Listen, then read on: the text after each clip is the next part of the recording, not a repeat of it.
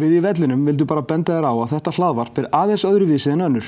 Þetta er nefnilega upptaka af sjónvarstættinum okkar þar sem við erum að skoða hápunta og fara yfir atvik í sjónvarpinu.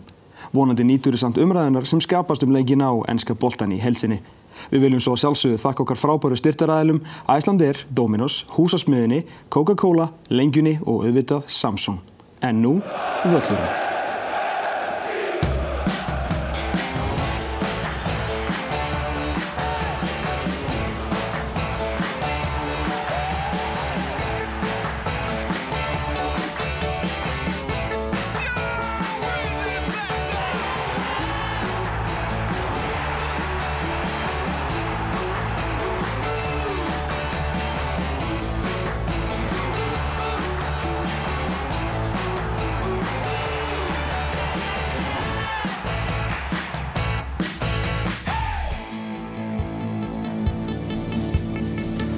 Kvöldið, kæru áhörundur og verið velkomin í völlin á síðasta degi septembermánaðar laugardegi í fyrsta sinnin. Það voru líka átta leikir af tíu spilaðir í dag og eftir þá er þetta helst.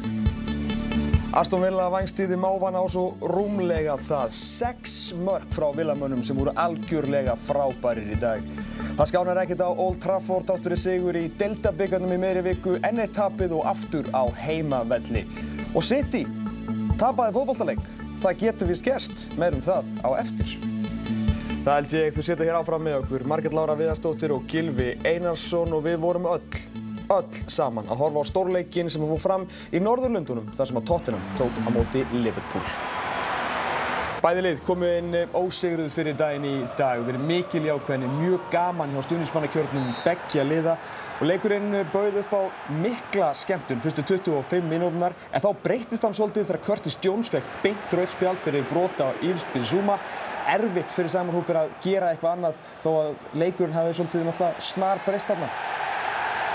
Já, Ég má samúðu Curtis Jones þarna, hann er að fara í tæklinguna, vissulega lítur þetta illa út en ja, veit ekki. Kíkjum betur á þetta á eftir en manni færri skoraði Luis Díaz. Sumulegis ætlum við að sína ykkur þetta eins með okkar tækni á eftir því að Premier League er ekki ennþá búið að senda línurnar og við svona, kannski veitum ekki alveg hvort það var bílað eitthvað varherbyggið í dag. Manni fleiri skoraði Tottenham á 3070 mínútu og það var Son Heung-min sem að gerði það eftir frábæran undirbúning Mattisson og Richarlison. Já, þetta er, þetta er frábær undirbúningu hjá, hjá Tottenham en, en Liverpool hlýtur að naða þessi handaböki þarna þetta er eftir aukarspunni, hún tekir hratt og bara Liverpool, varnalína Liverpool bara svoandi. En í uppbóta tíma fyrri háleiks á fjörðu mínútu hans nákvæmlega skoraði Cody Gagbo fínt mark. Varnalegurinn hjá Tottenham kannski ekkit sérstakur en það verður að gefa strafnum kredit fyrir hennar snúning. Já og líka hann er að setja hann í fjærhóttið. Það er ótrúlega vel gert hjá hann. 1-1 í háluleikin, Liverpool auðvitað áfram manni færri. En þeir eru samt eiginlega tveimur fleiri með Alisson í markinu sem að varði þetta skot frá Maddison, tóka með vinstri og þessi sending hér frá Maddison algjör snildi síðan hvort þetta hefur verið Van Dijk eða Son skiptur ekki öllu máli því að Richarlison var langt fyrir innan þarna og hárétti dómur hjá aðstúardómarinn. En tíu leikmenn Liverpool hófu ákveðin leiðangur í setni háluleiknum. En tíu breytust í nýju þegar Diego Jota hendir sér á eftir Papi Mate. Sarr fekk gullt spjald, örskömmu áður hann fengið mjög mjúkt gullt spjald og þarna voru Liverpool með ráðni nýju og vissu að með nýja uppbótartímanum þá er þetta svona 25-30 mínútur. Já, þetta er, hann er einslega mikill leikmaður Jota, hann á að vita betur á gullu spjaldi, þú þart ekki að henda þér þessa tæklingu. Startu bara lappinnar og, og veist, þetta er algjör óþáð. Eins og við sjáum þá er ekki mikið í hápundunum hjá okkur frá rauðarspjöldinu setna fram að þessu marki hér því að dramatíkin var allsráðandi á sjöttu mínúti uppbútt á tíma. Förstsending fyrir frá Pedro Porro og Joel Matip. Eins og Gunnar Ársleif saði í lýsingunni hafði ekki stegið feilspor í 96 mínútur og svo gerir hann þetta. Greið maðurinn. Greið maðurinn, þetta er ótrúlega óhefilegt og hérna En þetta er bara partur af bóltanum að svona getur gerst og, og menn er að reyna að hreina svona frá og það er mikið af fólk í teiknum. Það kemur fyrir alltaf först sending fyrir en Matip virkilega óg. En niðurstaðan svo að Tottenham heldur áfram að vinna. Við erum með 5 sigra, 2 jættefli, 17 stig ásamt Arsenal. Eh, í öðru til þriðja sæti deildarinnar og við erum nú strax komið með einhver viðtölu, verðum að fá viðbröð eftir svona leik. Ef ekki að, ég held að við byrjum á Jürgen Klopp. Jurgen, I'm sure there are things in that match that you're frustrated and angry about, but one of them won't be your team's performance. What about the resilience and the effort they've shown in adversity this evening? Yeah, yeah, I told the boys. Football is a result game. We all know that. That's why we are doing it. But if you can't get a result, then it's all about the performance. What can you take from it? And I was never more proud of a team like that today. I never saw a game like this with the most most unfair circumstances, crazy with decisions. Wow, how we dealt with it, how we stayed in the game, how we fought, and we score an own goal. And after a performance like that, it's like wow, uh, that's really tough to take, obviously. But I'm really proud. That's um, the first red card, Curtis goes on the ball, steps full on the ball, and then rolls over the ball and then hits hits the leg. So whatever you want to do with that, if you look that in slow motion, and you think, okay, let's look, it's maybe a red card. If you are a football player, I'm not sure you would, but unlucky. So it was not a bad tackle or whatever. He just stepped on the ball and goes over it. I just wonder there if there's an issue of procedure. I don't know if you know this, but it looks like when the referee goes over to, to look at it, the VAR is showing him a still, is showing him a slow motion. So is that the issue there? Not necessarily the referee, but but what he's being shown. Well, yeah, it looks different in slow motion than in real time. It's just the situation is he steps full throttle on the ball. There's the power. And then he goes over the ball. Um, so that's unlucky. So he made it. I've been about 10 men, it's fine. First yellow, obviously, on, on Diogo, it's never a yellow card. He hits him with the knee, his leg, whatever. That's crazy. But he gives the yellow card, and then a second, then he's off as well. And then we have to, to, to defend with eight outfield players, which is tricky. Did that extremely well. We had with nine, we still created chances. With eight, we had still moments. It was absolutely exceptional. Yeah, so the only thing we didn't get today, uh, besides a few decisions, um, good decisions or normal decisions or right decisions, um, was the result, obviously. But with the performance, I can work. So you want to build something special, and for that, um, you need um, players with mentality. And I saw today all of them. Were, um, monsters, unbelievable what they did, how they fought. Um, pretty special night. Yeah, well, I mean, what do you say? Jürgen Klopp, eh, Klopp afsakið, eh, hræður yfir framistu sinna manna, ótrúlega stoltur af eh, baráttunni, eh, bara þessum djörfungutug sem að strákarnir hans syndu en hann var svona beint og óbeint að skuttla þessu á dómaran leiksins og dómarateimið og við þurfum bara að fara strax í vafaðatirinn því að þau voru stóri í þessum leik. Þetta er fyrra rauðarspjaldið. Á 2004. minútu fer Curtis Jones ansi fast í yfirspilsúma og fær guldspjald á vellinum frá Simon Hooper. Allt í lagi, leitt illa út en þeir skoðuðu þetta í varherberginu og það var kannski það sem að Jürgen Klopp var að kvarta kannski hvað helst yfir að þegar að Simon Hooper kemur, eða byrjum bara hér, þú vilt ekki menna þetta sé rautkili? Sko, allir sem hafa spilað leiki, veit að þú ert að fara í 50-50 bolta, tæklingu, hann er að fara í boltan. Hann fer yfir boltan og lendir á, á, á við hefum séð þetta sem áður, og Casemiro fekk líka svona raukt í, í United.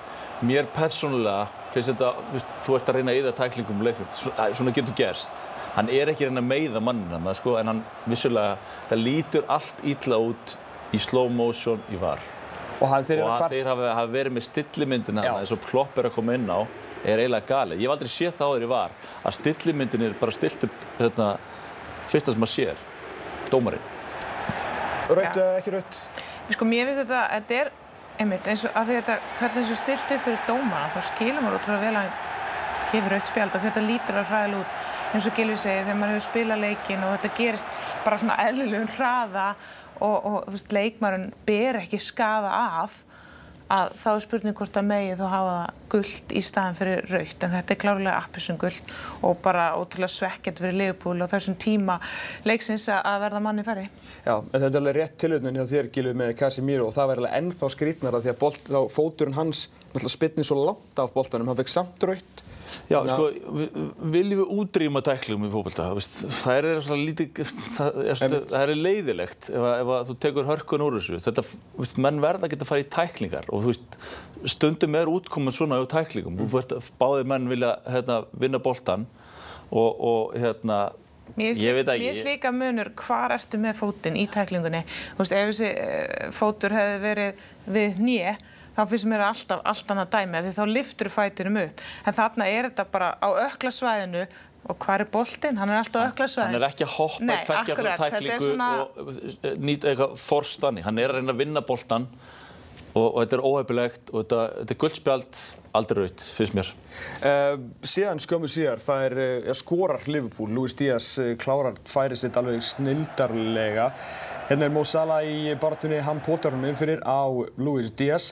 Þetta er notabene, þetta er ekki frá Premier League. Við fengum ekki neitt, við vitum ekki ennþá og af hverju fengum ekki neitt og ég er að fá það nú er að það ekki er svona Sky Sports sem kom með neina tæklingar og ekki neitt þannig að það sem að við gerum, við erum með græður sem við notum líka í annað við settum, stiltum línunu upp við miðjuna og færðum hana bara svo til þannig að þetta er beint allavega hjá okkur þetta er auðvitað engin stóri dómur en okkar lína hér í vellirum segir ekki einu svona nálagt í. Akkur er þetta ekki teiknað upp eins og þetta ger oft? Akkur teiknað þetta ekki upp? Já, það er bara að hafa engin svör komið. Þetta, þegar maður horfður á, á þetta, maður hugsaði, hérna, það er ekki sens að þetta sé rángstað, þetta er að dæmi þetta mark. Getur þú fengið að sjá aðeins fyrri aftur? Segða þetta hér, þetta svona verðist, þetta maður var svona pæla út af sjónarhóttinu að blekja mann, eins og ég segi, við störtuðum í línu á miðinu og dróðum hennar niður, þannig að hún er bein og ég meina þú veist, þetta er hálfur, til að vera í Brellandi, þetta er hálfur hjarti. Já, og svo náttúrulega hefur var algjörlega eitt því út að sóknarmæður eigi að njóta magans eða er eitthvað vafa atrið og þú veist, þá allavega í, í verstafalli hefðu getað skilt sig á bak við það að sóknarmæðurinn var að njóta vafans þarna. En þetta er sárt fyrir liðbúl og maður skilur það vel. Sjá Sala þarna hvernig hann vinnur þetta einu í hann svo ofbáslega sterkur og hvernig Luis Díaz tekur þetta hlaup þetta er bara stórkostlegt mark. Mm -hmm. og það það sem tekið af liðbúl á þessum tímapunkti er mjög sárt fyrir þá en, en þeir hérna í Englandi þeir hljóta komið skýringar á því mjög fljótlega af hverju þetta var rángstæða. Get ekki beðið eftir þeir útskýra þetta var ramaslöst í bílnum. Hérna, eh, Diego Sjóta, klárum mynda bara aður en við förum að hérna, tala um aðeins um leikin. Diego Sjóta fær guldspjál. Hann kemur inn á í háluleik fyrir meittan Cody Gagpo og fær fyrra guldspjálni sett á 60.8. mínútu. Hóper, er hann of bráður þarna með spjaldið? Já, ég bara, ég er upp með áttum á snertingunni það, sko. Þetta er eiginlega fyrir mér, þetta er rosalega lítið. Hæ? Hann fer, sko, ja, hann hann fer með hælinni niður á hann. Já. Hann sparkar hann. Þannig að hann er, hann, þetta, þú veist, þetta er alltaf komin á guldspjaldi þegar og, og þetta er setningur og það er... Þetta var dóm, ok, víst, þetta var kannski dómarinn aðeins verðið og kannski var fyrra svona, hérna, vafasamt og kannski þarf ég aðeins að anda og telja upp á fimm, sko. Já, mér finnst það líka. Ég, Mér finnst þetta ofboslega harðir tveir dómar. Þarna er ég samt svegt út í Jota. Já, hann er klaufi. Já, hann er algjör klaufi. Hann þarf ekki að gera þetta. Hann er orðin eitthvað pyrrar, tapar hann innvíðinu og finnst kannski brota á sig mögulega. En þú verður bara að hafa sterkari haus en þetta. Þú ert á guldspjaldi. Þú mátt ekki bara gefa tækifæri á að fá annað guldspjald þarna. En þegar maður tekur þetta saman, þessi tökulu, þá er þetta mjög, mjög hært. Herru, skoðum markið hjá Son aftur sem að kom þeim yfir í þessum leik. Afskaplega fallett mark en bara tóttir hans í heldina. Þeir eru miklu meira með boltan en það auðvitað litast rosalega náttúrulega síðustu 20 mínútum sérstaklega. Aftur á móti þeir spiluðu þessin leik og voru hurakir eins og þau voru að tala um að þeir eruðu nú líklega fyrir leik. Já, þetta, þetta, þetta mark er ekki gott mark fyrir Liverpool því að Liverpool voru frábærir alla leikin varnalega en þarna gleymir Joe Gomez sér, hann er að horfa boltan og hann gleymir sér og, og, hérna, og James Madison hann refsar í kvelli hann má ekki gefa honu tíma á boltan af því hann mun alltaf finna þessa sendingu. Líka pressan á hann gæti verið aðeins betur líka. En, en Joe Gomez verður að gera betur hann Ja, þetta er bara liðlegu varnarleiku hjá Liverpool að vera bara að segjast en auðvitað nýtir eins gott lið og í, í því formi sem Tottenham er í þetta, þeir nýta sér þetta og, og Richarlison gerir þetta frábæðilega vel og, og Son, þetta er bara svæðan Son, hann er alltaf mættur þarna framfyrir varnamannin, vinnur þetta alltaf þetta einu og einfalt mark við hann að skora. Þetta var síðan uh, síðasta spyrna leiksins, næstum því allavega stóra stundin þegar Pedro Porro fruma á honum fyrir markið. Joel Matip búinn að standa vaktir eins og herfóringi en er maður ósakjarn að segja að þetta sé bara fyrir eitthvað lélitt hjá hann. Ég veit að hann er óheppin en með alla þessa reynslu. Hann alltaf nota skóur nr. 50, þetta er alltaf helviti stóra lappir hann sko. En þú veist, já, þetta er alltaf óheppilegt, svona gerist, þú veist, eins og Margrét Lára sagði, svona gerist, óuppgerast í fókbalta og Liverpool hefur oft verið á hínum öndanum þess að þeirra að vera að ná inn þessum mörgum, svona flautumörgum og, og hérna, en ég held að eh, þegar Jörgur Klopp sest niður og hann mátt þess að hann að læri svakalega mikið um liðið sitt í þessu leik. Ok, það töpuð þessu eina stíi sem voru nánast konni með, mm -hmm. en eh, hugurinn í liðinu og, og, og, og bara attitútið allt upp á tíu, þannig að bara áfram gakk og næstilegur. Eru þið súr með, sko, setniálugum byrjaði vel hjá tóttinum og eins og svo ofta áður var Alisson náttúrulega í, í fantaformi í markinu, svona framan af í setniálugnum og þetta náttúrulega líkið þeim fyrri nokkuð öflugir, hlutur að gerast, skapa sér eitthvað færi en svo fjara aðeins undan þessu. Já, mér finnst bara svona tótanlið, það var eins og að vera pinn hrætti við Leopold þó við varum náttúrulega tveimur fleiri að, að þú veist, auðvitað, þú, þú vilt ekki einhvern veginn tapa leik, það er eitthvað hálf kjánulegt og tveimur fleiri en mér finnst það bara ekki takilega alveg mikla sjansa, sérstaklega síðustu 10-15 mínunar, þú veist, þeir voru svona eitthvað að móta sig við tegi tei hjá Leopoldin, það var enginn alveg ógnað þeim og, og það var svona minni reyfaleiki á þeim en ofta tíum auðvitað bakkaði Leopoldið og, og, og stóð vaktina vel en, en tóttemlið þetta hljóta að vera þeir hljóta að hafa verið mjög svo fegnir að ná inn þessu tveit markjarni í lokin því að þetta var eiginlega að fjara svona svolítið undan þeim. Er þetta ekki líka bara spurning þegar það gengur vel, þá bara gengur rosalega vel?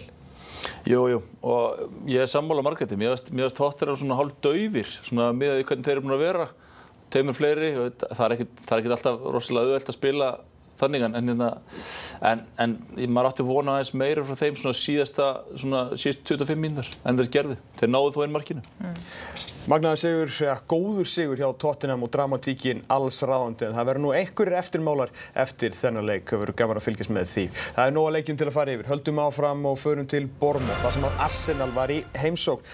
Öll toppliðin voru að spila í dag, eh, leikur á morgun og svo leikur á mánudagin en öll liðin sem er í þessari baráttu annarkort í titilinni í Európu voru að spila í dag. Arsenal mætti í glæstum varabúningum sínum til Bournemouth og það var Bukayo Saka sem skoraði með skalla á 17. mínútu Martin Öðugard færi bóltana nefnir til hæri skallin fyrir marki Íslanna og Saka réttum aðar og réttum stað hann bara hættir Hversu oft brítur hann ísin? Skorar alltaf fyrsta marki, erfiðasta marki. Hann er ekkert mættur í uppbót á tímistöðunni þrjúnum, það er bara þeir eru þurfa. Alltaf mikilvæg mörg þessi drengir. Eru þeir fengið svo vítaspilnu, eh, Arsenal-menn, hafa verið að fá svolítið af vítaspilnum, Etienne Nketiah eh, fiskaði þessa, en Nketiah fiskaði hér aðra vítaspilnum sína. Það er svona ekkert verið eitthvað skoranætt brjálæðislega mikið en afskaplega dögluður að hann frammi. En svo aftur á útivelli er Martin Öðegard að taka vítaspilnu fyrir Arsenal. Þeir eru búin að fá fjóra, skiptaði um bróðal á milli öllum 2-0 og lífið orðið nokkuð þægilegt þarna fyrir eh, skitturnar og eru þetta að reyna að koma sér að halda í við Manchester City fyrir stórleiki næsta sunnudag þegar að Arsenal tekur á móti City-mönnum er staðan 2-0 í hálfleik. Þeir fekkur síðan aðra vítaspilnu og þá hugsaða maður byttunum við er þá Öðegard aftur að taka vitið eða tekur Saka þá þetta viti? Nei, þá fóru þeir í fymtaflokkin og Kai Havertz fekk vitið. Gott víti samt. Já, einhvern veginn verður hann að skora greið. Kai Havertz eh, komin á blad þá 53. mínútu og það var síðan ekki fyrir henni uppbóta tíma að Ben White innseglaði afskaplega sannfærandi sigur Arsenal. Fjögur 0 skallin frá Ben White, stóðsendingin frá Martin Ödegaard og eh, mjög öflugur sigur Arsenal sem að kemur inn í stórleiki næsta sunnundag á flugi. Góð skalli hjá Ben White, óverandi fyrir eh, Neto, hinn brasilíska í markinu hjá eh, Arsenal. Alltaf gott að fara í þessa leiki að þeir hafa svona aðeins verið að skrölda einmitt kannski í þessum leikjum margir þetta eiga bara eitt svona geggiða. Já, bara greiðilega mikið að þetta og sérstaklega fyrir stóruleiki næstu helgi að hérna, þú veist, margi leiki, leikmenn að skora og, og þú veist, þeir eru að fá blúsandi sóknarleik. Kai Havertz að skora. Kai Havertz að skora, það lítur að vera ákveðin létti fyrir hann og mögulega liðið síns mér líka það sem að þeir eru allir að taka þátt í þessu með honum, sko. Þannig að, en þú veist, bara leikmenn hann að búka í saka, þú veist, frábær, þú veist, hvernig hann er alltaf að ógna með þessum ógnarhraða er að hann er svona, mér finnst hann vera að styrkjast svona með hverjum leiknum. Mm -hmm. og, og hérna, og Enketi, ja, þú veist þó hann sé ekki skora eins og komst inn á en hann er svo mikið lógt fyrir það og, og sækir mikið, drefur mikið til sín og, og er svona farin að finnst mér sóknarlega svona hann er þroskast, hann er farin að velja betur finnst mér, þannig að þeir eru öflur Talandi um það, þú sem fyrir öll sendir myndur ekki vilja sjá al, eina alvöru nýju hjá Arsenal svona bara í, ef myndu kaupa einn í janúar?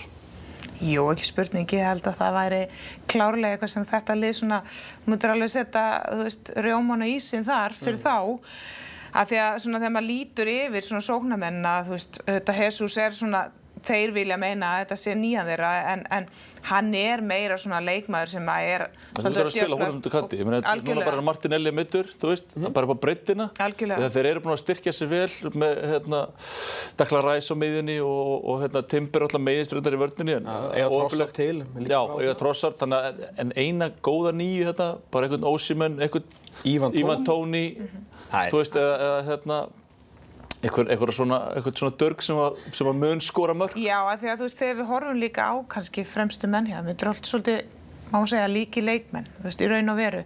Menn sem vilja fara mikið einn á eitt stöðuna, þeir eru sterkir á fótum, þú veist, geta einmitt þegar þeir hafa tíma og svolítið mikið plásfyrir fram að sig geta hlaupið inn í eðunar, en kannski þú veist, mætti vera einhver svona aðeins latari sem að hangi svolítið inn. Einhver markagráður. Einhver markagráður, einmitt. Þannig að hérna það er rétt hjá þér, hérna Gilvið, því ég held að ég geti hendað um vel. Ég ætla sjálfsög að vísa öllu tali núna um Eddie Nketiah til föður og svona því að við erum orðin góða vinnir.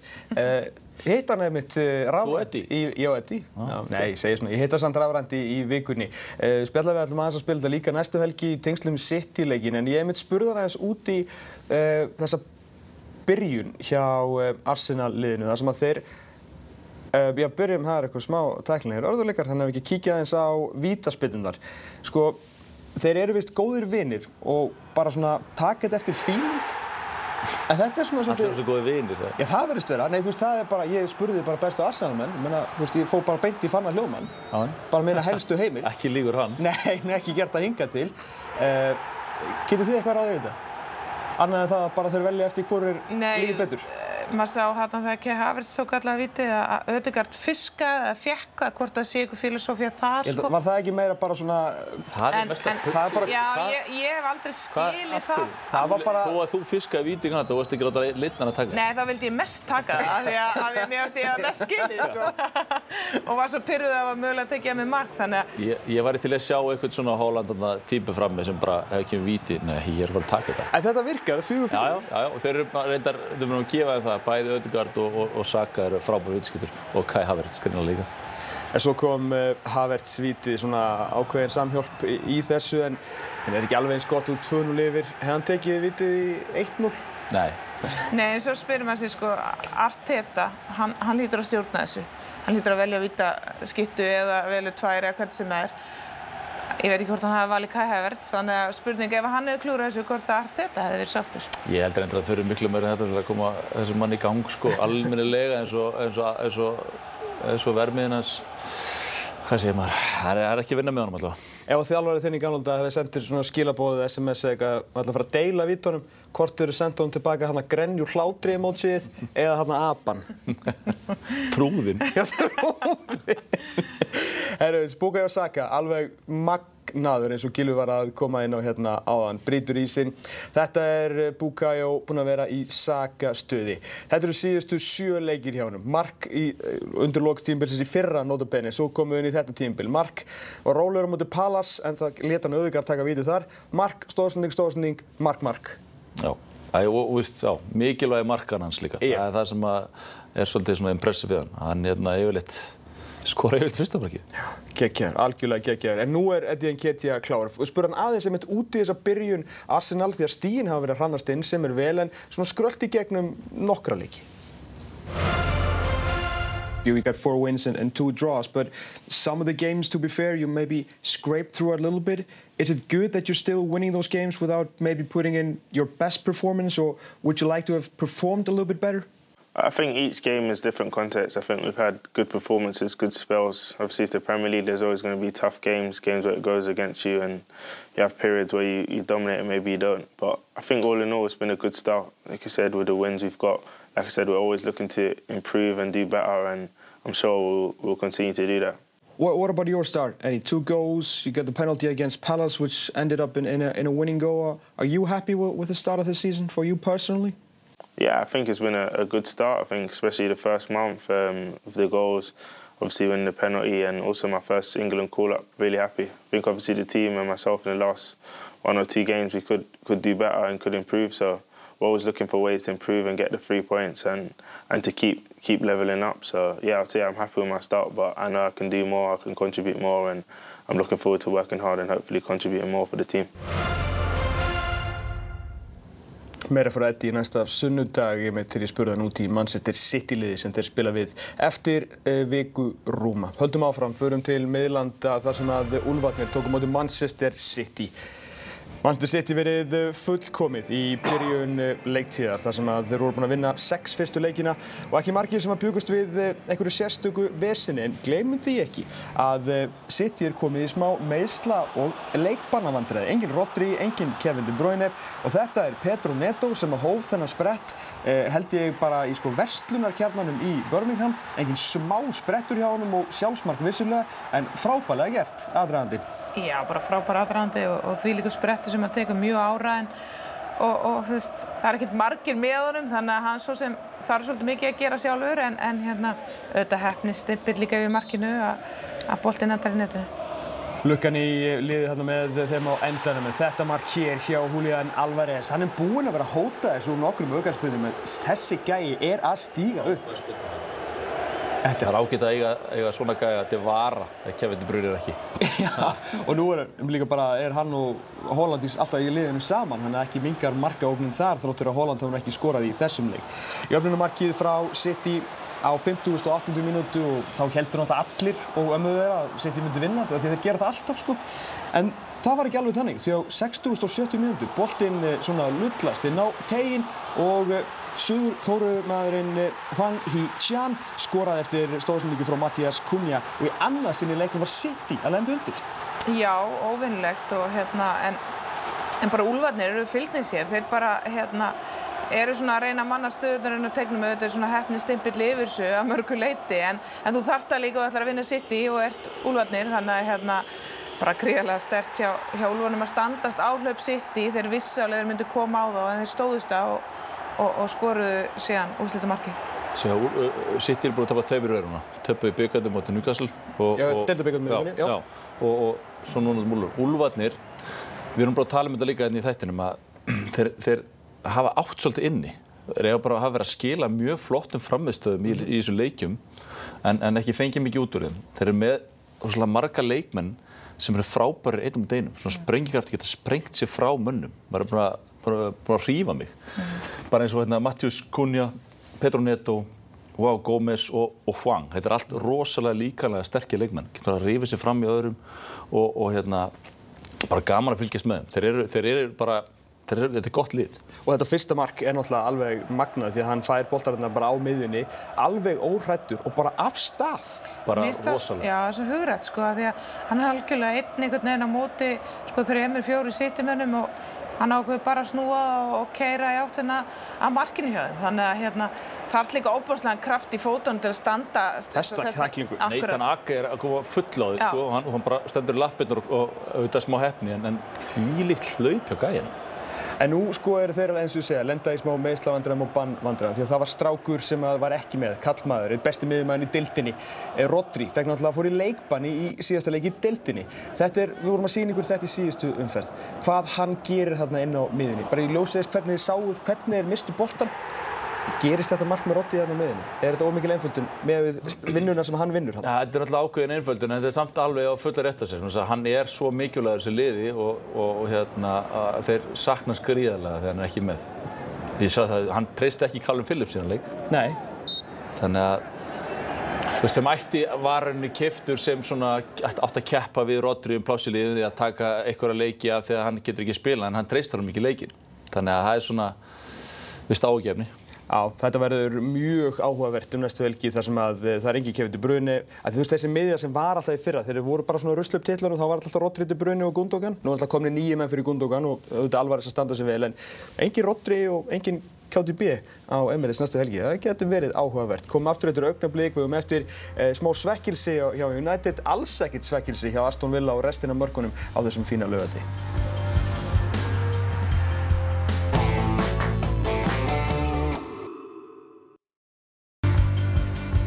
Komið í stæl aftur, setni hálfleikurinn á vellinum byrjar á Old Trafford í Manchester þar sem að Manchester United tók á móti Crystal Palace.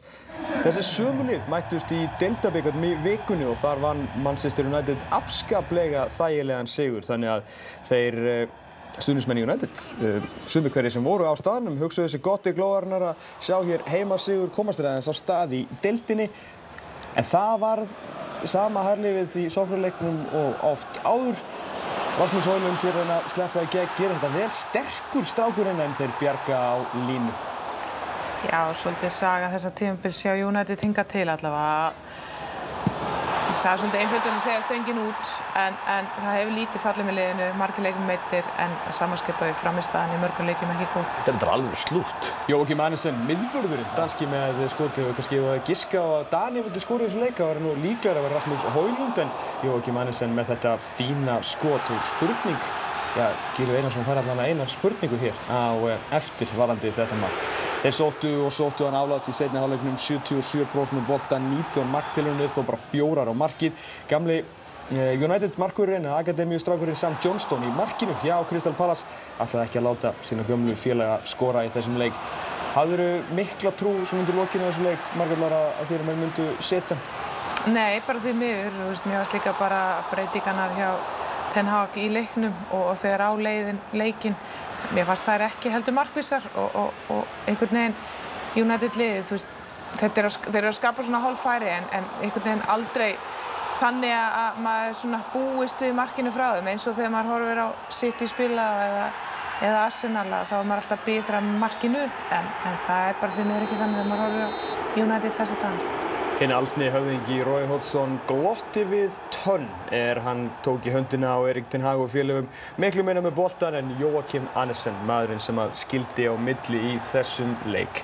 Ekki bara fara beint í markið hans og þá kemur spurningin Gilvi á Onana ekki að verða þetta? Hingraði eftir nokkrum endur sínu Ég vil fara að sjá frá öðru sjónvöldum. Já, það er því að og veist ég gerir allt fyrir þig. No. og hér kemur, hér kemur það, fáum við smá fagn fyrst, svona gamma hjá hennum og svona. Þetta er sjónum þú veist Það er eitt annað betra sko. Vist, Þetta lítur hrigalega vel út þarna. Maður vil ekki taka af honum því að þetta er flottur leikmaður sko. En hérna. Hérna kemur spórarspurningin. Fer hann ekki hans aftur alveg? Uh, svarið er já, hann á að vera hérna. en fer hann samt ágriðs ekki aðeins? Jú, já, fer aðeins, hann trublar klálega. Þetta er kannski svolítið ósengjað, en jú, svona breytir aðeins í stefnu. Já, já, en ég meina, þú veist, markmaður í Manchester United, þeir eiga að vera alltaf góður, eða þú veist, þú ætlar að spila þar. Mm -hmm. Þannig að ég myndi alltaf segja að góðu markmaður á að verja þetta, og hann er góðu markmaður, mm. en hann hefur ekki byrjað vel. Nei, byrjaði vel, svona alveg, byrjaði alveg vel, fyrst. Þá er það að tala um bara já. fyrstu, já, fyrstu sjö leikina í, í, í deildina, hefur hann ekki byrjað vel. Nei, en United, vildi fá viti í, í þessum leik og þá voru nú margir sem að uh, voru nú að förða sig á hvernig þetta væri ekki viti. Hér er Joel Ward, veit reyndar ekkert af boltanum, dómarinn sér þetta, þetta fór í, í varið og þeir sögðu bara glemið hugmyndinni, þetta er ekki viti. Hvað segir Margret Lára? Ég er eiginlega að verða svolítið leið á þessar umræði, hendinni tega því mér finnst þetta alltaf svo flókið og hann er á nálátt eða hann er á stutt frá eða þú veist, ég veit það ekki. Vill ég fá viti? Klárlega já, veist, en, en hérna, ég veit það ekki. Jú, þetta er viti, hendi viti. Eru dómarið bara búin að brjóta þig? Já, þetta er svolítið þannig. Maður er orðin bara eh, ringlaður og, og rugglaður í þessar umræði allri. Því að þetta er allt svona stutt frá, langt frá. Hann sér ekki bóltan, hann heldur hendina að sér. Þetta er svo óbúrslega flókið að, og svo er þetta bara einhvern veginn misjant auðvitað dómurum eða hverju í varhæfberginu, hverju sinni, hvað er dangt en, en þetta fer í hendina á hann og þetta er einn teig og það er hægt að dæma við. Það hefur áhrif. Hefur áhrif á, á Rashford, var þetta ekki Rashford sem var allavega var að taka mótið sem bólta? Það er alveg að tala um það að þetta getur verið í því. Sko United er með nýju stygg eftir sjö leiki, nýju stygg af 21 möguleg og við rínum aðeins í tölfræðina um United-liðið að þá eh, er sóknarleikurinn svona, bara svona til að sjá hvað þeir eru. Þeir eru tíundasæti við mörg, sjöundasæti við skot, tíundasæti við væntmörg eða XG, það sem er eiga verið að búin að skora.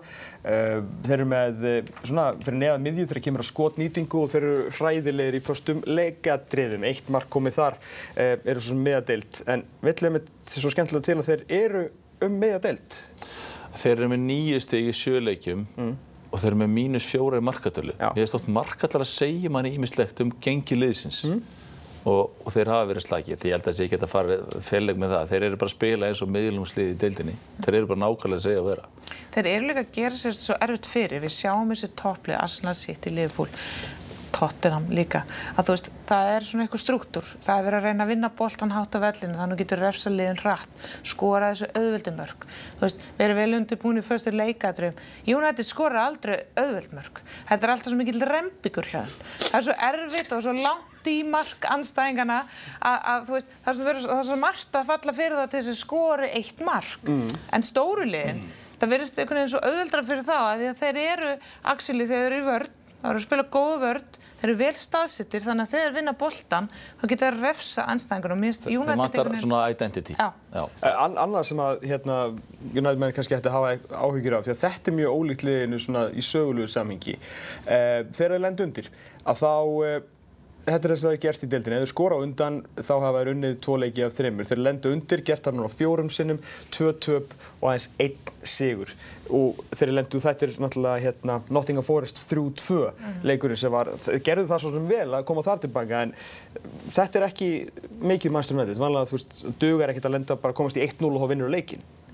Nei, hvernig heldur. Ég meina, Solskjær var sko með besta árangurinn í að koma tilbaka á sín tíma, sko. Algjörlega. Og hvernig heldur að United hefur liðið lið í dag mögulega nýju á móti tóttina? Það er bara að fara á eitt veg og við erum bara að sé það mjög skýr. Ég er ekki sem að hafa verið veit stolt eftir þann leik, sko. Ég, veist, mér finnst líka bara, ég er alltaf að tönglast á samhlutunum, bara karakternir í liðinu, bara, veist, ég veit það ekki. Ég er þetta alveg sigur er þarna. Þeir eru að kaupa bara svona einhverja leikmenn. Mér finnst bara svona Mér finnst vant eitthvað svona eins og þú ert að tala um að koma inn á að vera með eitthvað identity. Ég veit að er þjálfar hans að koma með það. Er líka bara klúpsins. Hvaða leikmenn viljum við fá? Hvernig leikmenn viljum við hafa? Ja. Stopp svona alls konar, alls konar vesinn. Þú veist að fá Jadon Sancho. Ég er ekki að tala um það sem að gerast með drama mellir hans og Ten Hag utanvallar. Bara svona leikmæður sem líkur eða, eða Antoni. Þetta er svona Hmm. Þetta er svona, svona týpur sem ég allavega persónulega hrýfst ekki af og, og ég held að aðdáðandi United tengi ekki við. Þú veist, þeir vilja fá e, einhverja sem að, sem að hérna, brett upp ermar og eru tilbúin að hérna, stígu upp þegar gengur, þegar gengur líka sko, að blæsa þessu móti. Mm. Og eins og við sáum til dæmis á þessu skilti að þá þegar að blæsa móti þá verist ekki mikið verið að stígu upp núna og svo náttúrulega kann Sansi ekki á klukku sem er náttúrulega líka mjög slæm. Já, það, það er eitt af þessum enginum sem þú hægt að hafa, bara svona ægi og vera með, þú veist, herru, ég er ekki að láta hanga með okkur svona rögli, sko. Höldum áfram, förum á Villa Park í Birmingham þar sem að uh, eh, háttegisteikunni fór fram í dag. Aston Villa fekk Brighton í heimsók. Aston Villa og Brighton búin að fara vel af stað á leiktíðinni og uh, eins og ég var nú að segja þessum að voru að horfa í lýsinguna á almanagsárunni 2023 eru þetta liðin með fjörða og fymta besta árangurinn á árunni þannig að við gáttum talað um toppslag. Brighton kom nokkuð frist og fest inn í leikin, vilja lága hans tilbaka en svo hófst bara algjör veistla. Ollie Watkins sem opnaði markareikningin sinn í síðustu umferð gegn Chelsea skoraði frá segumarkið, komið yfir á 14. mínútu og hann skoraði svo aftur á 21. mínútu og svo voru eiginlega bara dagskrálokk eftir 25 mínútu rúmar þegar Bervis Estupinian skoraði 3-0 í eigið net. Herru þetta var bara klíning hjá Unai Emery í dag. Þetta var bara stórkustlega framistæði hjá Villa og mér fannst Breitón, þeir fjettur svolítið eigið bræði, þeir eru vanir í stóru leikjánum að falla kannski örlítið tilbaka, minna með boltan er svo klíniski fram á þið en bara Villa tókuð á, á bræðinu, þeir bara gerðu nákvæmlega þetta. Þeir voru bara svo Breitón eru í flestum öru leikin, þeir lág aðeins tilbaka, svo voru þeir ekkert smá klíniski fram á þið og ótrúlega flottir gerði breytingu í háluleikt og báða framverðin út af Danny Welbeck og Evan Ferguson innkomu João Pedro og eh, Ansu Fati La Masia strákurinn og það var João Pedro sem að læði upp 3-1 eh, markið á Ansu Fati og þeir voru hrigalega upplöðir hann í byrjun. Það kom smá lífsmark með þeim í byrjun setnáleik og alltaf að sjá það. En svo bara kildir í magan á 6050 mínútu, þetta smá óöfni í skotunu en aftur vorum villamenn að vinna boltan 4-1 og, og þarna var þetta bara búið. Já, villamenn voru bara ótrúlega sterkir og grimmir í allast öllu návíum. Þið tókuðu, það var ungu strákur hérna miðjunni, Jack Hinselwood, mm. átjánar strákur á miðjunni á Brighton. Fyrsti leikurinn? Já, þetta var fyrsti leikurinn, maður halv vorkindur hann, þess að hann Hann átti ekki góða leik og, og þeir fóru alveg viljandi líka hart í hann og, og, hérna, og ásamt hérna, skotanum hann á miðunni Joe McGinn? Nei, hérna, já, Billy Gilmore Já, Billy Gilmore segir og hérna, þeir fóru Joe McGinn, nei, Joe McGinn þeir gerði það viljandi, fóru hart í þá. Þannig hérna, en, en Villa voru frábæri í þessu leik og bara refsuðu refsuðu Breitón Já, en, en Heinsen út úr varnar var lítið við hann að sagast þetta var, gerðilega flottu strákur. Já, já, voru... og mér er 18 ára gama, þú getur ekki, þú getur ekki benda á hann eftir, eftir svona leik, en, en vissulega þetta var bara aðeins uh, of erfiðu leiku fyrir hann, þeir söknuðu Pascal Gross í þessu leik, hann, kannski öðru segja hann haft hann við hlýðan á sér, að hérna, að leta á þessu, en, en þetta var, var þungt hjá þeim, en vissulega þessi leikur er samt, sko, ef við tölum bara um svona Brighton var 62% með boltan, mm -hmm. tapar 6-1. Þeir voru, sko, þeir eru með, uh, hvað er þeir með, þeir eru nánast með sama XG mm -hmm. og þeir skapa sér nánast jafn mikið að döðafarum. Þetta er samt, þú veist, þeir eru bara, þeir var bara refsað, þeir bara kerðið yfir þá.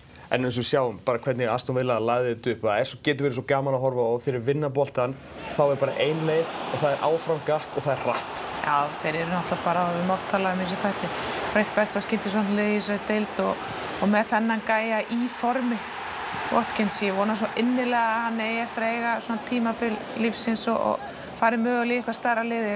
Ég er óbúslega hrifin af þessu strák, hlaupa geta, krafturinn, ja, hann er það en, en æ, maður er alltaf að hugsa um þessu topp þrjú fjögulið en óbúslega Chelsea köpa hann ekki bara.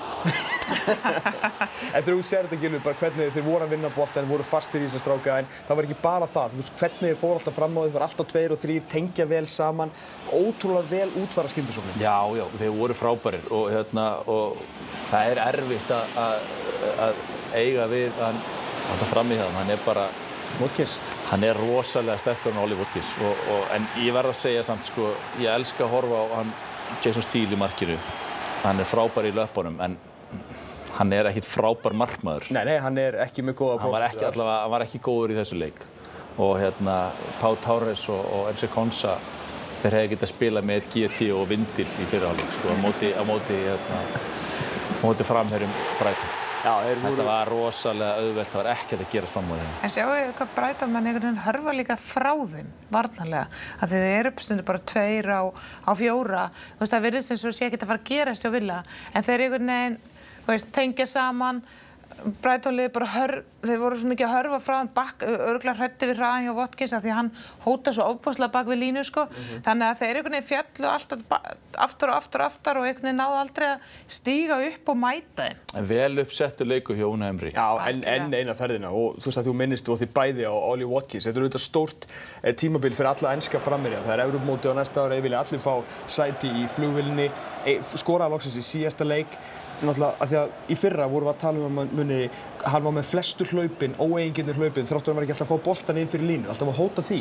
Svo í þessum leik ef Breitón var eitthvað að pressa þá bara loftaði Martínez boltanum fram og hann var líka og hann var miklu sterkar í lofti. Já, já, já. Svo bara margtruð eiga við hann, svo sterkur líkanlega, hættir aldrei, hleypur öndalist alltaf að djöblast. Þannig að þú veist, bara hann er, þetta er alveg leikmaður. 15 marka maður á síðustu leiktíð eftir eh, hæga byrjun komið fjögur núna í tveimur leikjum og hver var á staðnum? Einn Gareth Southgate, ég held að það sé nokkuð ljóst að hann verður í landslýshópnum sem mæti núna Ástralíu og Ítalíu í næstu landslýðaríkja fríi. Frábær sigur hjá eh, Aston Villa sem er þá búið að ná Breitona stegum og farinir upp fyrir þá á markatölu eftir að hafa raskjalt á í miðlöndum í dag. Hér koma restina mörkunum frá eh, þessum degi. Við byrjum á Goodison Park. Herru, gaman á Goodison Park. Unnu síðustu helgi. Bjarni kefti held í ykkur þrjár nýja treyjur. Unnu aftur í deltabíkótum. Þá kefti hann varabúningana. En auðvitað, hvaða lið gæti mögulega verið fyrst til að tapa fyrir Luton? Annað en Everton. Þú kallaði þetta?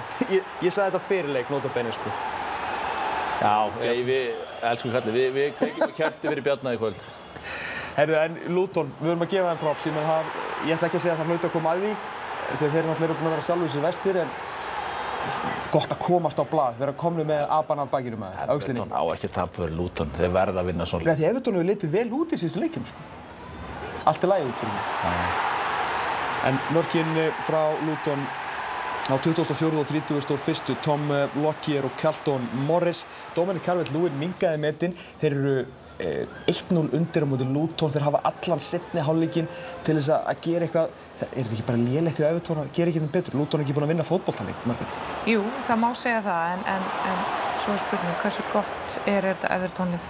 Eru þeir betur en þetta, eða er þetta ill uppsett, eða, eða veist, er leikmannahópurinn aðeins sterkur? Ég, ég held að eftir að koma í ljós aðeins þegar líður á tíumbili, en, en vissulega vonbreið hjá Evertón, en sterti á Luton, vel gert þeir til hamingjum með þetta Luton menn. Vestham uh, fekk Sheffield United í heimsók. Sheffield United, annar lið sem var ekki búið að vinna fyrir eh, þessa umferð, voru fjögur lið sem áttu ennþá eftir að eh, vinna og Vestham áttu nú ekkert í einhverjum teljandi vandræðum með miðugudags, nefnum auklurnar, ætlaði ég nú að segja ekki, miðugudagsmenn, við höfum nákvæmlega þeirra. Þetta er Gerald Bowen eftir sendingu frá Vladimir Kúfal, fallit mark hjá hann. Geggja mark, sjáum líka bara í aðdraðandanum hlaupi hjá Bowen, þetta er einn af mínu svona uppáhaldsleikunum í þessari deild.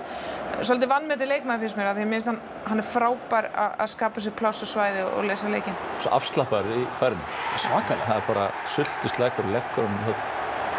Gríðilega mikilvæg fyrir þetta vesthamlið. Svo það var Tjekknes stóðsending og svo Tjekknes mark, nafni Thomas Sátsek, 37. minúti.